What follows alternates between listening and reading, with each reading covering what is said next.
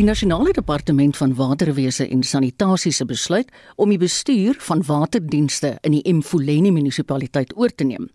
Is genootsaak deur die feit dat die munisipaliteit reeds onder administrasie geplaas is en die dienste onvoldoende is, sê die departement se woordvoerder Sputnik Ratau. Hy het met Heinrich Weingart gepraat. Coming out of the consultations that we've had with stakeholders it is obvious that the basic services of water and sanitation are not being delivered to the people of uh, Mfuleni. So a decision was taken under the leadership of Minister Sulu to say, let us look at how we can be able to invoke Section 63 of the Water Services Act that allows the department that for a period the department will take over the running or rather uh, the operations of water and sanitation services to a community where the municipality is not able to deliver such services. Ratau sê die departement se eie konstruksie eenheid sal van die werk doen en vir die res is daar reeds tenders uitgereik waarvan die beoordeling nou afgehandel is. And we are going to be announcing these probably in the next month or so so that we can be able to make sure that soon as possible uh, hopefully by April or, or around that time we can be able to hit the ground running. Hy sê die Mfoleni optrede is nie 'n regstreekse uitvloeisel van 'n onlangse ondersoek deur die Menseregte Kommissie na riool in die Vaalrivier nie. Die departement is wel bewus van probleme wat ook in ander gebiede in die noorde van die land en tot in Kimberley ervaar word. Hy sê egter plaaslike regerings moet hiervoor aanspreeklik gehou word, nie die nasionale departement nie. Other areas obviously will be looked at on their own merits elsewhere. It may not be things that need the Department of Water and Sanitation at the moment, but at the moment our efforts have got to be concentrated on making sure that we can be able to ensure that the pollution at the Val River is sorted out. In terms of malfunctioning municipalities elsewhere, that obviously must go to the responsible department, which is cooperative governance and traditional affairs. Hy sê 'n gebrek aan instandhouding van infrastruktuur deur munisipaliteite is die vernaamste rede vir die moeilikheid wat met riool en watersuiwingsdienste ervaar word. Infrastructure at local level is a bugbear because of a lack of maintenance and operation efforts by municipalities. And that is exactly where most of these issues are because when you look at the fact that sewage spillages are as a result of malfunctioning wastewater treatment works, which are in the hands of municipalities. Die verwagting is dat die nuwe nasionale wateragentskap wat deur president Cyril Ramaphosa in sy staatsrede aangekondig is, 'n verskil sal maak. Ratau verduidelik waar die proses nou staan. We were presenting at the portfolio committee I think 2 days ago. The the process is underway. There are still going to be consultations that need to happen including with portfolio committee as well as other interested parties because it includes as well movement of personnel. It includes not necessarily the collapse or, but the merging of certain entities, some areas of the department itself, and maybe one or two of our entities, particularly the Trans Caledon Tunnel Authority. That will take, uh, we are thinking that uh, we are looking at about uh, November of 2021. We should be uh, up and running with the consultations or at least have consulted somewhat. Ratau sê die departement is bewus van die grondwetlik verskanste reg van gemeenskappe op drinkbare water en voldoende sanitasiegeriewe. Dit word ernstig opgeneem. And that is a function that as the department we have to drive in terms of bulk services and so on. But we have to work hand in glove with municipalities who are responsible for the reticulation purposes for running water, as well as for the operations and maintenance of wastewater treatment plants that can be able to serve the communities where they are. And therefore, this is something that has, has been evolving over time, but we are working very hard towards that Another thing is that we have to work very closely with the Department of Corporate, Cooperative uh, Governance and Traditional Affairs, are together with its uh, entity, MISA, the Municipal Infrastructure Support Agency, and all other interested parties to make sure that whatever capacity is necessary at local level has got to be attained. Dit was Sputnik Ratau, woordvoerder van die Nasionale Departement van Water en Sanitasie. Ek is Hendrik Weingart vir SAK nuus.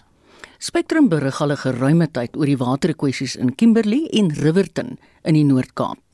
Die DA het 'n ondersoek geloods na onder meer die infrastruktuur by die Riverton suiweringsaanleg en 'n verslag aan die departement van water en sanitasie as ook die menseregte kommissie gestuur.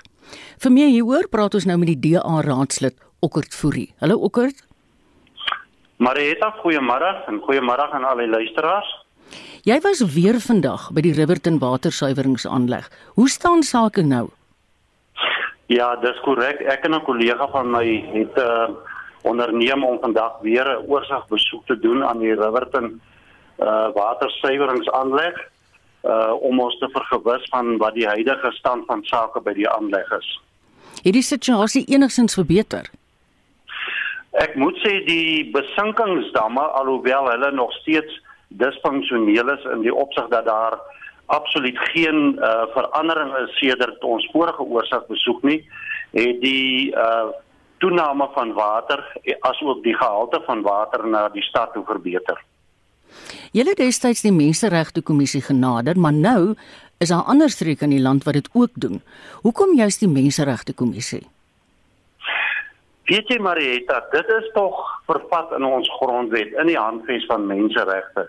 Dit is 'n basiese mensereg en uh, om uh, gemeenskappe in 'n fase te laat waar hulle 'n gebrek aan water het, aan toegang tot water en mense wat dit letterlik nie kan bekostig nie, dat hulle moet rondval en hoop dat hulle geholpe kan raak by mense wat dalk oor boorgate beskik of selfs dan van die plaaslike regeringsmunisipaliteit wat dan water aan hulle moet hmm. voorsien per massa trokke. Ja. Julle het hulle verslag aan die nasionale departement gestuur, die MRK en ook die plaaslike regering. Het julle al enige reaksie gekry? Ja, korrek. Uh ons is baie dankbaar daarvoor die Ehm um, MRK het wel uh, op ons uh, hulle het wel gereageer op ons skrywe aan hulle uh mhm. -huh. en ons het gister dan ook 'n uh, antwoord van hulle kant af gekry waarvoor ons baie dankbaar is. Hulle het dan ook nou sekere inligting wat hulle nou verlang en uh, sodra ons daardie inligting versamel het, gaan ons dit so gou as moontlik aan aan die uh, MRK voorsien. Hoorie Okkert het julle nog niks van die nasionale departement of van julle plaaslike regering gehoor nie. Uh as jy nou verwys na die nasionale departement, dan verwys jy nou na die departement van water en sanitasie ja. neem ek aan. Ja, ja, ja. Ja, van uh die uh, departement van water en sanitasie het ons nog niks verneem nie, maar ons het ook nie van die plaaslike munisipaliteit enigsins 'n terugvoering gekry nie. Genning. Baie dankie. Dit was 'n DA raadslid uit die Noord-Kaap, Okkert Fourie. Professor Richard Meisner is 'n kenner op die gebied van watersake. Hy is verbonde aan Unisa en hy praat nou met ons oor die verwikkelinge in Mfuleni. Goeiemôre Richard. Uh, goeiemôre en goeiemiddag aan die luisteraars. Jou reaksie op die nasionale departement se oorneem van die waterdienste by Mfuleni.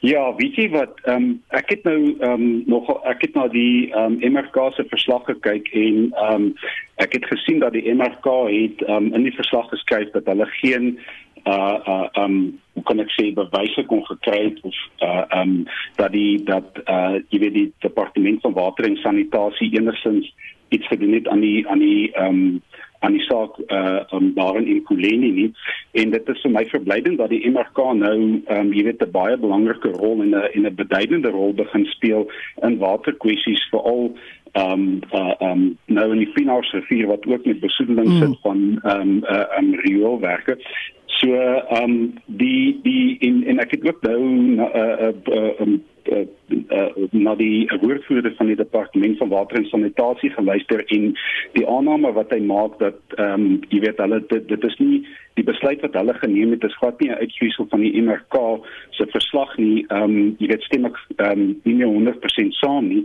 want die, die departement van water en sanitasie word ehm um, pertinent genoem hmm. in die verslag jy weet dat hulle ehm um, uh, jy weet eintlik niks gedoen het daaraan nie ten spyte daarvan dat daar nou al jare lank eh uh, uh, probleme is.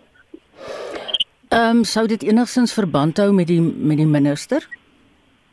Ehm um, weet jy ja, ek dink dit ehm um, dit dit het nogal ehm um, uh um 'n uh, redelike verband met die uh um, minister dat sy nou jy weet um ek dink sy het dalk die verslag onder oog gehad en gesien dat daar um die die die dat haar departement um so te sê ek sou nie sê oor die vingers sit dit word nie maar uitgewys word mm.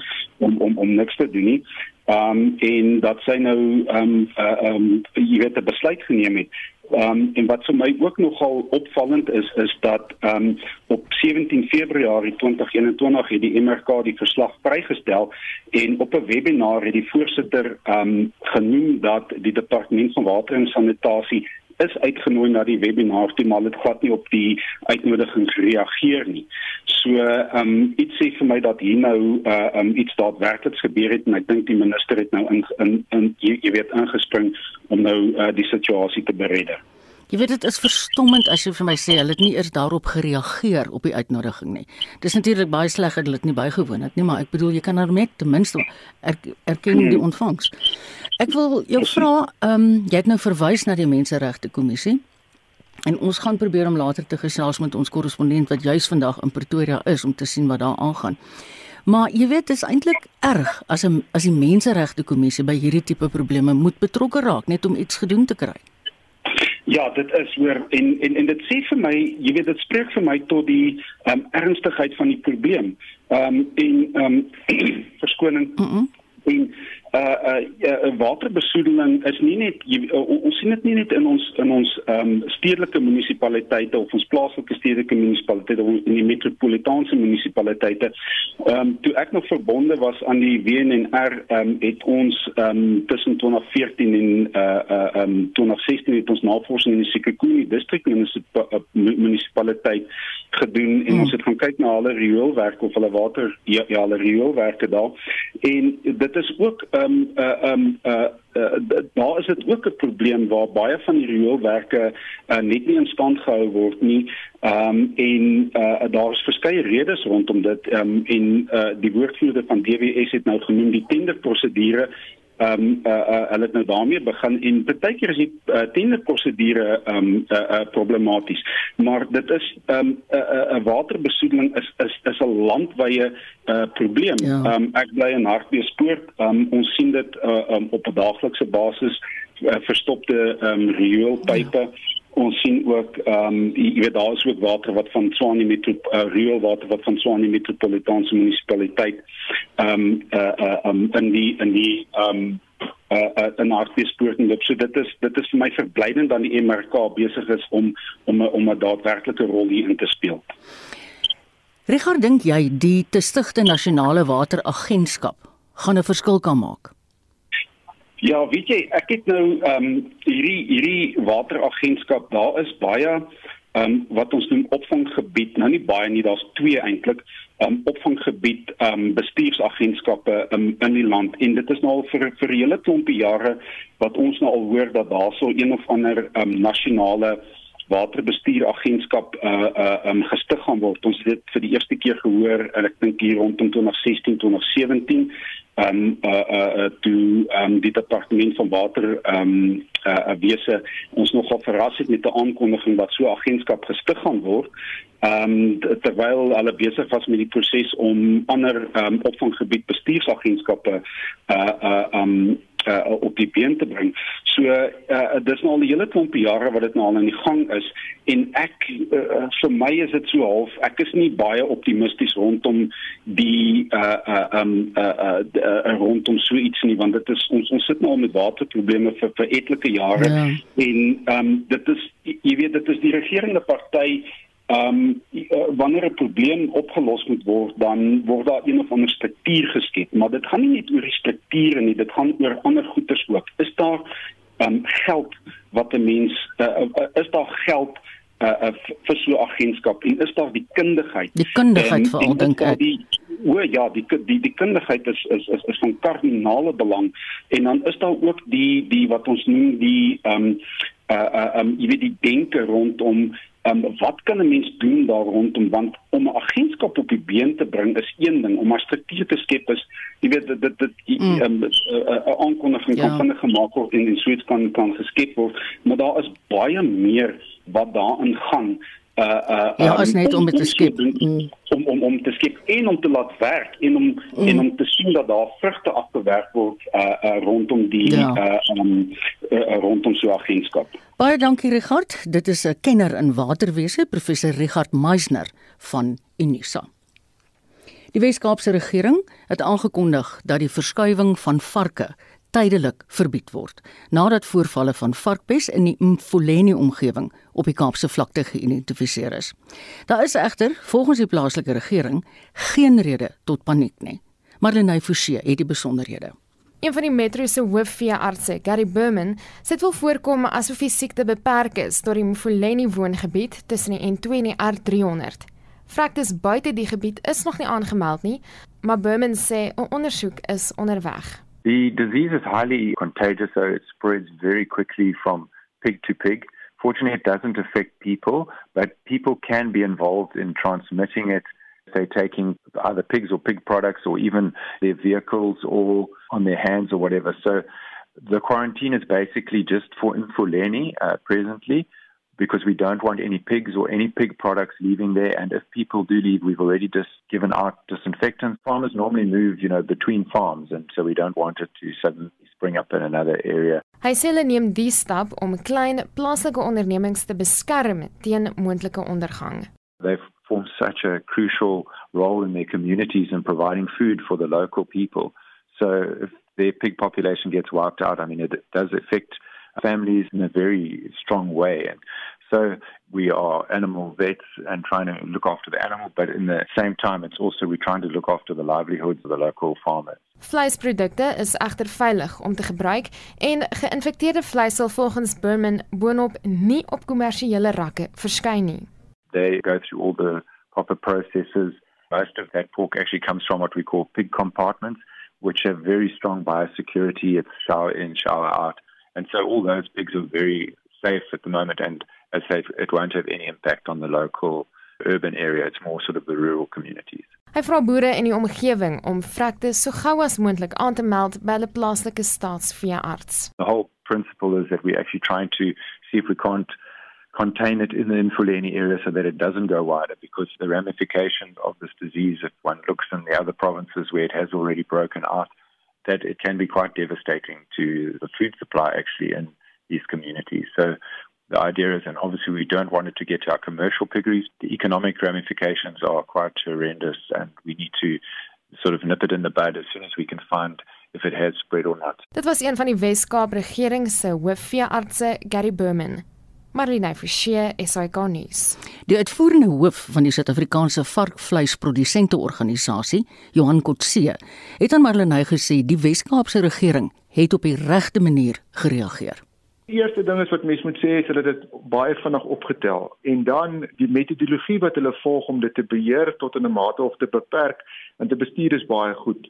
Ons werk baie nou saam met die Wes-Kaap met die provinsiale regering om te kyk dat ons wel die uitbraak daarvan kan beheer of tot 'n mate kontroleer om net te bly op een plek. Ek dink hulle doen 'n uitstekende werk. Dit is baie moeilik want dit is informeel. Dit is tussen klein boere, so is baie moeilik om dit te beperk. Selfs die omgewing waar die uitbraak is, is moeilik om te bestuur. Maar weet wat? Wat vir my fantasties is, hulle gesindheid is fantasties. Die informele leiers wat daar is, het ons klaar mee samesprekings gehad. So ek dink die Wes-Kaap regering uh pleinpeel. Ek dink hulle doen dit uitstekend. Hoe lyk die situasie in die res van die land? Ons het sporadiese uitbrake regdeur Suid-Afrika. Die frekwensie van die uitbrake word al hoe meer. So dit beteken daar 'n groter verspreiding is wel van die siekte. So ons in die regering is bekommerd daaroor en ek dink ons sit baie tyd en energie daarin om te kyk hoe mense dit wel kan beperk. En ek dink die beperking lê daarin dit gaan oor die gedrag van die mens. Hoe die mens die vark hanteer, hoe die mens byvoorbeeld die vark versprei en om daai gedrag te beheer is baie moeilik. So ek dink ons eerste term is om te sê as 'n industrie verstaan ons die gedrag van die produsent, spesifiek die klein produsent en ons uitdaging is om dit te verstaan want as ons daai gedrag kan verander gaan ons die siekte kan beheer. So jy dink nie daar is op hierdie stadium rede tot kommer nie. As 'n verbruiker is daar nie 'n kommer nie. Ek dink die stelsels wat ons het by abattoirs, die stelsels wat kommersiële boerderye het tot biosekuriteit word baie goed toegepas. So ek dink dit is die kommer nie. Die kommer gaan oor die varkpopulasie in Suid-Afrika en die moontlike uitwissing daarvan onder ons klein boere op grond daarvan dat die siekte so maklik versprei word. Dit was die uitvoerende hoof van die Suid-Afrikaanse varkvleisprodusente organisasie, Johan Kotse. Rolspelers in die onderwysbedryf is verheug dat onderwysers van April af ingeënt sal word. Die minister van Gesondheid, Willem Kiese, het die nuus aan die Nasionale Raad van Provinsies bevestig. Volgens hom sal hierdie fase begin sodra die nuwe enstof in April in die land aankom. Anne-Marie Jansen van Vuren doen verslag. Die bestuurshoof van die Suid-Afrikaanse Onderwysersunie, Chris Klopper, sê hulle is die eerste vakbond wat gevra het dat onderwysers as 'n prioriteitsgroep geklassifiseer moet word sodat hulle vroeë inentings kan kry. Onderwysers is blootgestel aan 'n hoë risiko van infeksie as gevolg van die feit dat elke onderwyser daagliks blootgestel is aan moontlik 200 huisgesinne en die risiko's wat daarmee gepaard gaan. Die adjunk bestuurshoof van FETSAS, Jaco Deeken, stem saam. Van die begin af was ons opgewonde geweest oor die moontlikheid dat onderwysers ook na ons mediese personeel ingeënt kan word omdat hulle 'n baie noodsaaklike diens vervul.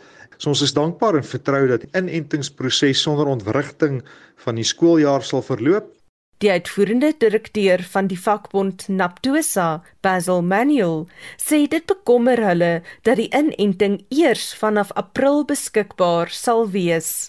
Ons is bekommerd omdat dit nou beteken dat ons seker die derde vlaag sal moet deurleef as skole. En uh, natuurlik kan dit verwrigting veroorsaak, die sluiting van skole en so voorts en want almal verwag nou dat die derde vlak seker so hier in Maart maand sal begin. Maar ons is daarom nog positief. Ons opname dui aan dat meer as 75% van die onderwysers nou dink dat dit 'n goeie idee is om ingeënt te word en ons is nog besig met opvoeding oor inenting sodat ons meer mense kan kry wat daarna uitsien. Maar ons is bekommerd met die idee dat geld oor 'n 2 jaar periode bestee gaan word aan die inenting. Dit beteken nou seker dat daar nou 'n hele 2 jaar lange tydperk sal wees voordat almal ingeënt is. Saam met Manuel is Klopper ook onder meer hieroor bekommerd. 'n Belangrike vraag is waar en wanneer die inenting sal plaasvind. Gedagtig daarin dat daar ongeveer 400 000 opvoeders is. Natuurlik die advokeringsprogram. Dit sal netjies geloods moet word want ons eie opname het gewys dat ongeveer 30 na 40% van ons lede is nie ten gunste van 'n verpligte inenting nie en gedagtig daarin dat onderwysers is verteenwoordigend van die gemeenskappe waaruit hulle kom sal dit belangrik wees dat hierdie aangeleentheid aangespreek word want kudde-immuniteit sal eers bereik word as ons meer as 67% van die gemeenskap kan inent. Die bestuurshoof van die Suid-Afrikaanse Onderwysersunie, Chris Klopper, Anne-Marie Jansen van Vuren vir SAK nuus. President Cyril Ramaphosa het die private sektor gevra om die regering by te staan in hulle ontwikkeling van klein, medium en mikrogroot sakeondernemings. Die beoogde hulp sluit kapitaal, vaardigheidsontwikkeling en toegang tot markte in. Volgens Ramaphosa kan hierdie ondernemings ook die en ek haal aan Afrika Vrye Handelsooreenkoms gebruik om toegang tot nuwe markte op die vasteland te kry. Weer Anna Marie. Die president moedig korporatiewe ondernemings aan om plaaslike produkte te koop. Hy sê as hulle die ondernemings ondersteun, sal dit bydra tot werkskepping. One of the key elements of the economic reconstruction and recovery plan is localization. And we expect SMMEs and cooperatives that they should play a central role in driving localization. Because in many ways they are well placed uh, for entering this market space. Some work has already been done by this department to introduce SMMEs and cooperatives to wholesalers rather and retailers. We really need our corporates to come on board for us to build strong local capabilities. Ramaphosa het groot lof vir die departement van klein sake ontwikkeling asook die klein sake ontwikkelingsagentskap vir hulle bydrae tot die ondersteuning van klein sake ondernemings tydens die inperking. Now I say this advisedly because the townships and rural areas have for quite a long time been neglected. We need to accelerate the implementation of the Township and Rural Entrepreneurship Program which will bring a lot more people into the mainstream economy. Volgens hom is ondernemings wat deur jong mense, vroue en mense met gestremthede bestuur word, bo aan die prioriteitslys. We have specifically set aside targets for designated groups. And we do this unashamedly. And we are saying that at least 40% must go to women owned enterprises, 30% to youth owned enterprises, and 7% to other companies owned by persons with disabilities. Die verslag van Naledi Nkobo en ek is Anne Marie Jansen van Vuren vir SAK nuus. Dis Vrydagmiddag, jy's ingeskakel op RSG en dis die program Spectrum. Dit is nou nou mooi kyk, is nou 21 minute voor 2. Die DA dring daarop aan dat die openbare beskermer, Bosisiwe Mqwebane, adiensrekords in die staatsveiligheidsagentskap bekend maak om die wetlike skaakmat tussen die twee partye te stop. Die party het die appelhof in Bloemfontein genader om 'n hooggeregshof bevel nietig te verklaar. Die beslissing was dat dit nie van toepassing of logies is vir die DA om op die versoekte dokumente te steun om die waarheid van hulle verklaringe te bewys nie. Mqwebani het die eerste ronde van die geveg gewen nadat DA-lede beweer het dat Mqwebani 'n spioen was, wie se aanstelling as openbare beskermer ten doel gehad het om staatskaping voort te sit. Missie van der Merwe. Die DA argumenteer dat Mqwebani opsetlik die saak vertraag deur te weier om die nodige dokumente te verskaf. Dit sluit in haar aansoek vir die pos as ontleder in die staatsveiligheidsagentskap en haar aanvaarding van die posisie. Die DA voer aan dat die dokumente sal bepaal of Mqwebani ooit as 'n spioen gewerk het of dat sy deur die staatsagentskap betaal is ten tye van haar nominasie as openbare beskermer. Mqwebani het die saak aanvanklik hof toe geneem na DA parlementslede beweer het dat sy 'n spioen was. Dis hoe Butlender in die virtuele verhoor sy saak gestel het. Cannot be that my client's entitlement to the documents depends on what someone did or didn't say in the public domain. Either the documents are relevant or they're not. So if the court is with us, we submit that the appropriate order is for the court to direct the production of the documents and to direct that within the ordinary period applicable for the filing of an answering affidavit, which I think is 15 days, unless I'm mistaken, we must file our answer. Mqwebani het die DA daarvan beskuldig dat hulle valse en afbreekende verklaringe oor haar gepubliseer het. Sy het bygevoeg dat sy nie gedwing kan word om dokumente te gee wat nie betrekking op die saak het nie. Haar advokaat, Mos Mpaga, sê die DA moet hulle saak teen haarself bewys. Mqwebani eis ook 'n terugtrekking en apologie, nie die betaling van geld nie deur die DA. Advokaat Mos Mapaga. So that's that's our case that we don't expressly rely on that document and therefore it not it should not be deemed to be relevant. Uitspraak is voorbehou. Makgala Masiteng het hierdie verslag saamgestel. Mitsi van der Merwe, SAK nuus. In 'n poging om die openbare beskermer uit haar pos te verwyder, het die DA se sweep in die parlement, Natasha Mazone, verlede jaar aanspraak gemaak op die reg om prosedure te begin om 'n amptenaar van 'n staatsinstansie te verwyder. 'n Paneel is aangestel om die meriete van die versoek te ondersoek en 'n verslag hieroor word volgende week bekend gestel. Die EFF-leier Julius Malema eis streng optrede deur die Appelhof in Bloemfontein teen 'n voormalige EFF-LP, Tenbinkosi Khawula. Hy sê die Hooggeregshof moes vroeër 'n bevel uitgereik het wat Khawula verbied om valstellings te maak en Malema se naam te skend. Malema glo die hof moes ook 'n kostebevel teen Khawula gemaak het. Heinrich Weingart In April 2019 het Gaula op Facebook gesê Malema gebruik partyfondse om sy beweerde uitspattige leefstyl te befonds. Malema eis skadevergoeding van 1 miljoen rand omdat hy voel die inskrywing het hom as 'n korrupte leier geskets. Gaula glo die partyleierskap het 'n byltjie met hom te slyp oor sy aandrang dat hulle moes antwoord oor beweringe wat Malema by die WBS Mutual Bank skandaal betrek. Hy het die inskrywing daarna verwyder. Malema het nogtans 2 maande later 'n geding in die Hooggeregshof aanhange gemaak. Advokaat Tembeka Ngukaitobi verteenwoordig hom in sy aansoek in die Appelhof.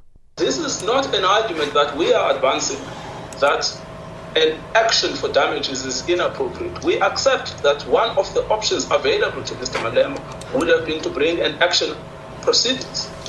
But that's not the same argument that we are making, which is is an application inappropriate as a matter of law or not, which is the finding of the court of quo. And that's what we are criticizing the judge court for, and we are asking this court to overturn.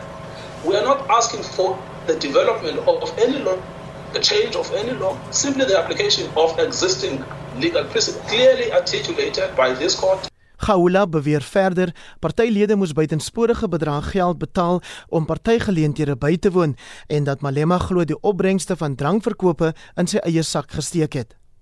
Die EFF het glo ook nie finansiële state voorgelê nie. Appelregter Owen Rogers het Ngukai Toby hieroor gevra. It would be relatively useless for a, a party the governing body of a party to receive financial information about its affairs once a year, four months or five months after the end of the financial year. Within an organization, you're expecting ongoing management financial reporting. As a matter of fact, do the annual financial statements of the EFF exist or not? Because the lack of accountability is that there is there are no financial statements. He says absence of financial statements. They don't exist. That is the case that we are complaining about. Do they exist or not as a matter of fact? As a matter of fact, they exist. He's a member of parliament, and that is the point made in the replying affidavit. He's a member of parliament. He is in the CCT. He claims that the statements don't exist. As a matter of fact, the claim is false because the statements exist. The statements are also public, and that is the point made in the replying affidavit. They are public because they sit in parliament, and that is where they are to be found. Gaula het homself in die Hooggeregshof verteenwoordig. Hoewel hy die appelhofverrigtinge virtueel bywoon, het hy nie enige voorleggings gemaak nie. Uitspraak word voorbehou. Hierdie verslag deur Tabiso Gadebe in Bloemfontein en ek is Hendrik Weingart vir SAK nuus. Die ontwrigting in die Wes-Kaapse polisiegeleedere duur voort met die dissiplinêre optrede teen generaal Pieter Jacobs, die hoof van misdaadintelligensie wat nou gestaak is. Ons praat hier oor met die provinsie se oud polisiehoof, advokaat Lennet Max. Hallo Lennet. Uh, goeiemiddag. Wat weet jy van die agtergrond van hierdie kwessie? Ja, ek wil net sê dat die uh Jacobs is nasionaal, nie provinsiaal nie, maar hy's uh, nasionaal uh, beheer van intelligensie. Mm. Uh wat ons tans lees uh in die koerante en in die berigte en dit wat ek ook maar uh jy weet uh nie amptelik uh, hoor mm. is dat dit uh dit het glad nie 'n goeie uitwerking op die uh, die huidige situasie nie. Ons het uh verlede week gehoor uh, hoe hoog die misdaad vlakke is. Die misdaad is uh baie duidelik buite beheer.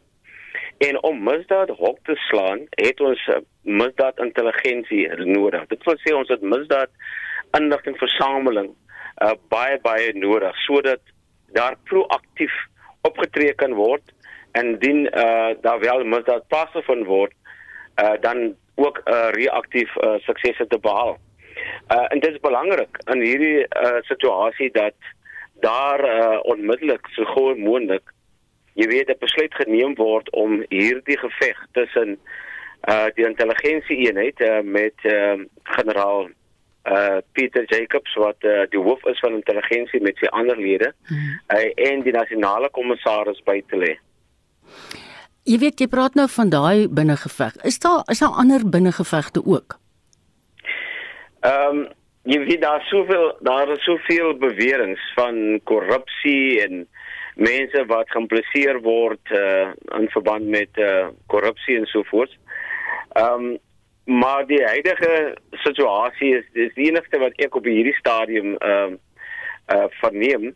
Uh, daar was voor hier in die Weskaap mm. ook uh, gevalle gewees waar daar die sogenaamde rogue unit uh, was uh, wat blykbaar deur uh, na bewering deur die voormalige provinsiale kommissaris Jula uh, in plek geplaas was en wat dan ook ander mense soos Jeremy Weary en ander geondersoek het. Ehm um, en Jacobs het hierdie aangeleentheid aangespreek, hy het 'n brief geskryf en verwys dis 'n rogue unit wat onwettig optree en die nasionale kommissaris moet 'n besluit neem om dit uh tot einde te bring, maar daar was blykbaar volgens uh, inligting ehm um, geen aksie geneem ten opsigte van hierdie nie. Nou wil ek vir jou sê, Mm. dit wat in die Weskaap gebeur het en dit wat heidaglik aan die gang is, uh, gekoppel met hierdie ehm um, weet eh uh, wyd verspreide beweringe van korrupsie waar die mense wat die reg moet toepas soos Hmm. die Suid-Afrikaanse polisie betrokke is, is dit nie goed vir ehm um, vertroue by die gemeenskap nie. Jy weet ons het 'n stabiele, professionele polisiediens nodig wat regtig fokus op die gemeenskaplike vraagstukke wat misdaad aanbetref in hierdie land en daar is nie tyd vir hierdie interne gevegte wat hmm. wat hulle fokus heeltemal verskuif na hulle grondwet vanaf hulle grondwetlike mandaat nie. Jy weet Lenet veral in 'n provinsie wat so 'n groot bende probleem het. Die moordsyfer is hoog. Daar's onderwêreldse of baie verdagte bedrywighede wat aangaan. So dit is soos jy sê dan kort jy 'n kundige en 'n effektiewe polisiediens. Nee, absoluut. Jy weet ons het nou net uh, gehoor gisteraand het hulle in Beacon Valley ek dink 4 kinders geskiet waarvan 2 dood is of 5 kinders waarvan 2 dood is en 3 in die hospitaal. Die kinders het sokker gespeel laat het dry soos hulle sê 'n verbyreskietery plaasgevind. Onskuldige kinders, uh, daar die die ehm um, predikante en die pastore het nou vanoggend 'n biddiens daar in die omgewing gehou. Jy weet en en en en dit is die goed wat wat mm. wat ons gemeenskappe vernietig. Ja, dit is so. En en en die probleem is, jy weet, uh dit gaan soveel soveel uh sover gaan dat ons later kyk die, die Suid-Afrikaanse polisie het 'n grondwetlike mandaat. Die regering het 'n grondwetlike mandaat om sy inwoners te beskerm. Maar as dis baie duidelik dat daardie mandaat nie uitgevoer word nie, mm. dat die regering nie in staat is om ons mense Ja, jy te praat waar. nie. Ja, jy praat nou, baie waar. Die die die, die probleem is nou ons ek het nou vanoggend vir 'n professor wat ek mee 'n vergadering gehad het gesê want ons praat oor uh, oor my ehm um, doktorale studie Uit so. en uh, en uh, ek praat oor die, want ek doen navorsing oor die polisie. Mm. Dis mm. dit dit dit dit gaan so erg dat soos wat ons twee nou hierso sit, is net 'n kwessie van ons vra wanneer dit is ons tyd. Maar want die polisie Ja. is nie in staat, die regering is nie in staat om daardie grondwetlike mandaat uit te voer nie. Mm. Tot die mense dan ook byvoorbeeld soos hulle sê 'n kollektiewe eis teen die staat instel mm. omdat die staat versuim om sy pligte na te kom. Lenet baie dankie. Ek is ongelukkig spyt dat ons tyd verstreke is. Dit was die afgetrede polisiegeneraal, advokaat Lenet Max. In Amerika maak die Biden-administrasie vandag 'n verslag bekend wat toon dat Saudi-Arabië se kroonprins Mohammed bin Salman die moord op die joernalis Jamal Khashoggi goedgekeur het. Die verslag bevestig die VN se vermoede dat die kroonprins tog betrokke was by die 59-jarige joernalis se moord. Khashoggi is die laaste keer lewend gesien by die Saudi konsulaat in Istanbul, Turkye. Weer Anne Marie. 'n Woordvoerder van die Withuis, Jen Psaki, sê die Amerikaanse regering is steeds van plan om die CIA se gedeklassifiseerde intelligensieverslag binnekort vry te stel. We expect to happen soon. I don't have an updated timeline for you on that. I know there were also reports on a proposed call. We also expect that to happen soon. We're still in the process of scheduling when that, that will happen. Die 59-jarige Khashoggi het gereeld kritiek gelewer op die Saudi-regering, veral teenoor prins bin Salman. Al het die regering aanvanklik sy betrokkeheid by die moord ontken, is 8 maande later in die saak verhoor. 5 het die doodstraf gekry wat later tot 20 jaar tronkstraf versag is. 'n VN spesiale gesant, Agnes Kalamag, sê hulle was vas oortuig dat die Saudi-regering die moord gepleeg het, maar hulle kon nooit bewyse daarvoor vind nie. What I do have is evidence suggesting that the responsibilities of high level officials may be engaged and therefore is requiring further investigation, in particular of the Crown Prince, for a variety of reasons. The first one is that the people directly implicated in the murder reported to him. Biden het intussen in 'n telefoniese gesprek met die 85-jarige koning die versekering gegee dat die FSA en Saudi-Arabië bilaterale bande kan verbeter om dit so sterk en deursigtig as moontlik te maak. Ander vraagstukke is ook bespreek.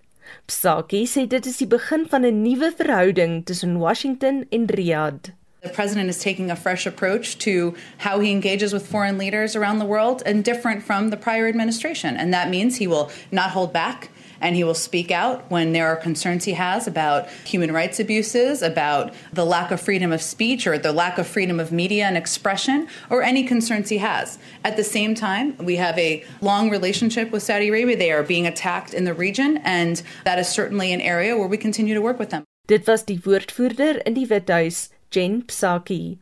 Die verslag van Show and Price Peace in New York en ek is Anne Marie Jansen van Vuren vir SAK nuus. Nou weer terug by die huis. Die Suid-Afrikaanse Suikerrietprodusente Vereniging het die minister van Finansies, Tito Mboweni, se besluit om nie die gesondheidsheffing op suikerdrankies te verhoog nie, verwelkom.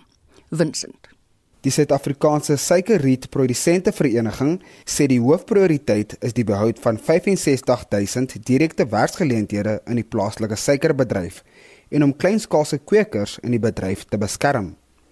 Die vereniging se voorsitter, Rex Talmage SA Cane Growers welcomes Minister Mboweni's decision not to increase the sugar tax, ensuring no additional obstacles to the path ahead for the industry's recovery. In a climate where the COVID 19 pandemic has put millions of South Africans out of work, we need to maintain and create as many jobs as we can.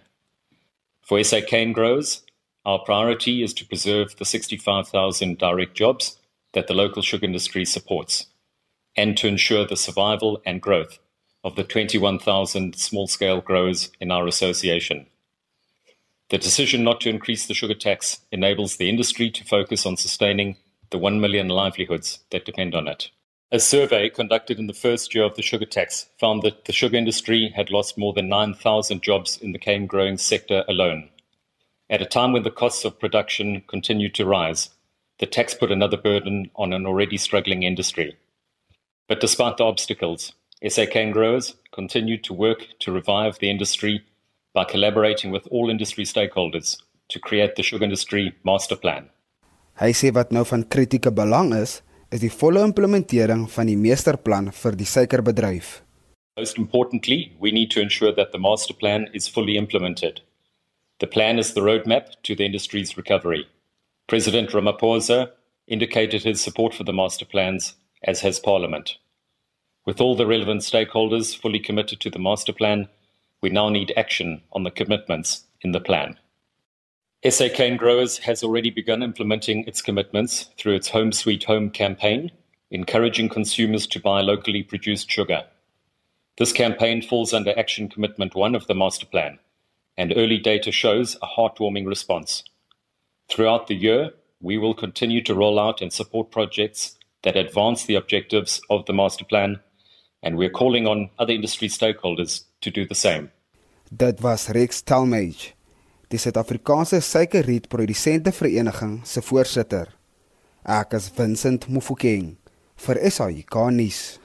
'n Johannesburgse regsfirma beplan om 'n groepsgeding teen die taksiediens Uber by die arbeidshof in te dien sodat bestuurders as werknemers geklassifiseer kan word. Maar sommige bestuurders sê hulle is nie seker of die stap in hulle guns sal tel nie. Weerwinsend. Die stap volg op 'n beslissing van die Britse Hooggeregshof verlede Vrydag dat Uber-bestuurders wettiglik as werknemers geklassifiseer moet word eerder as onafhanklike kontrakteurs.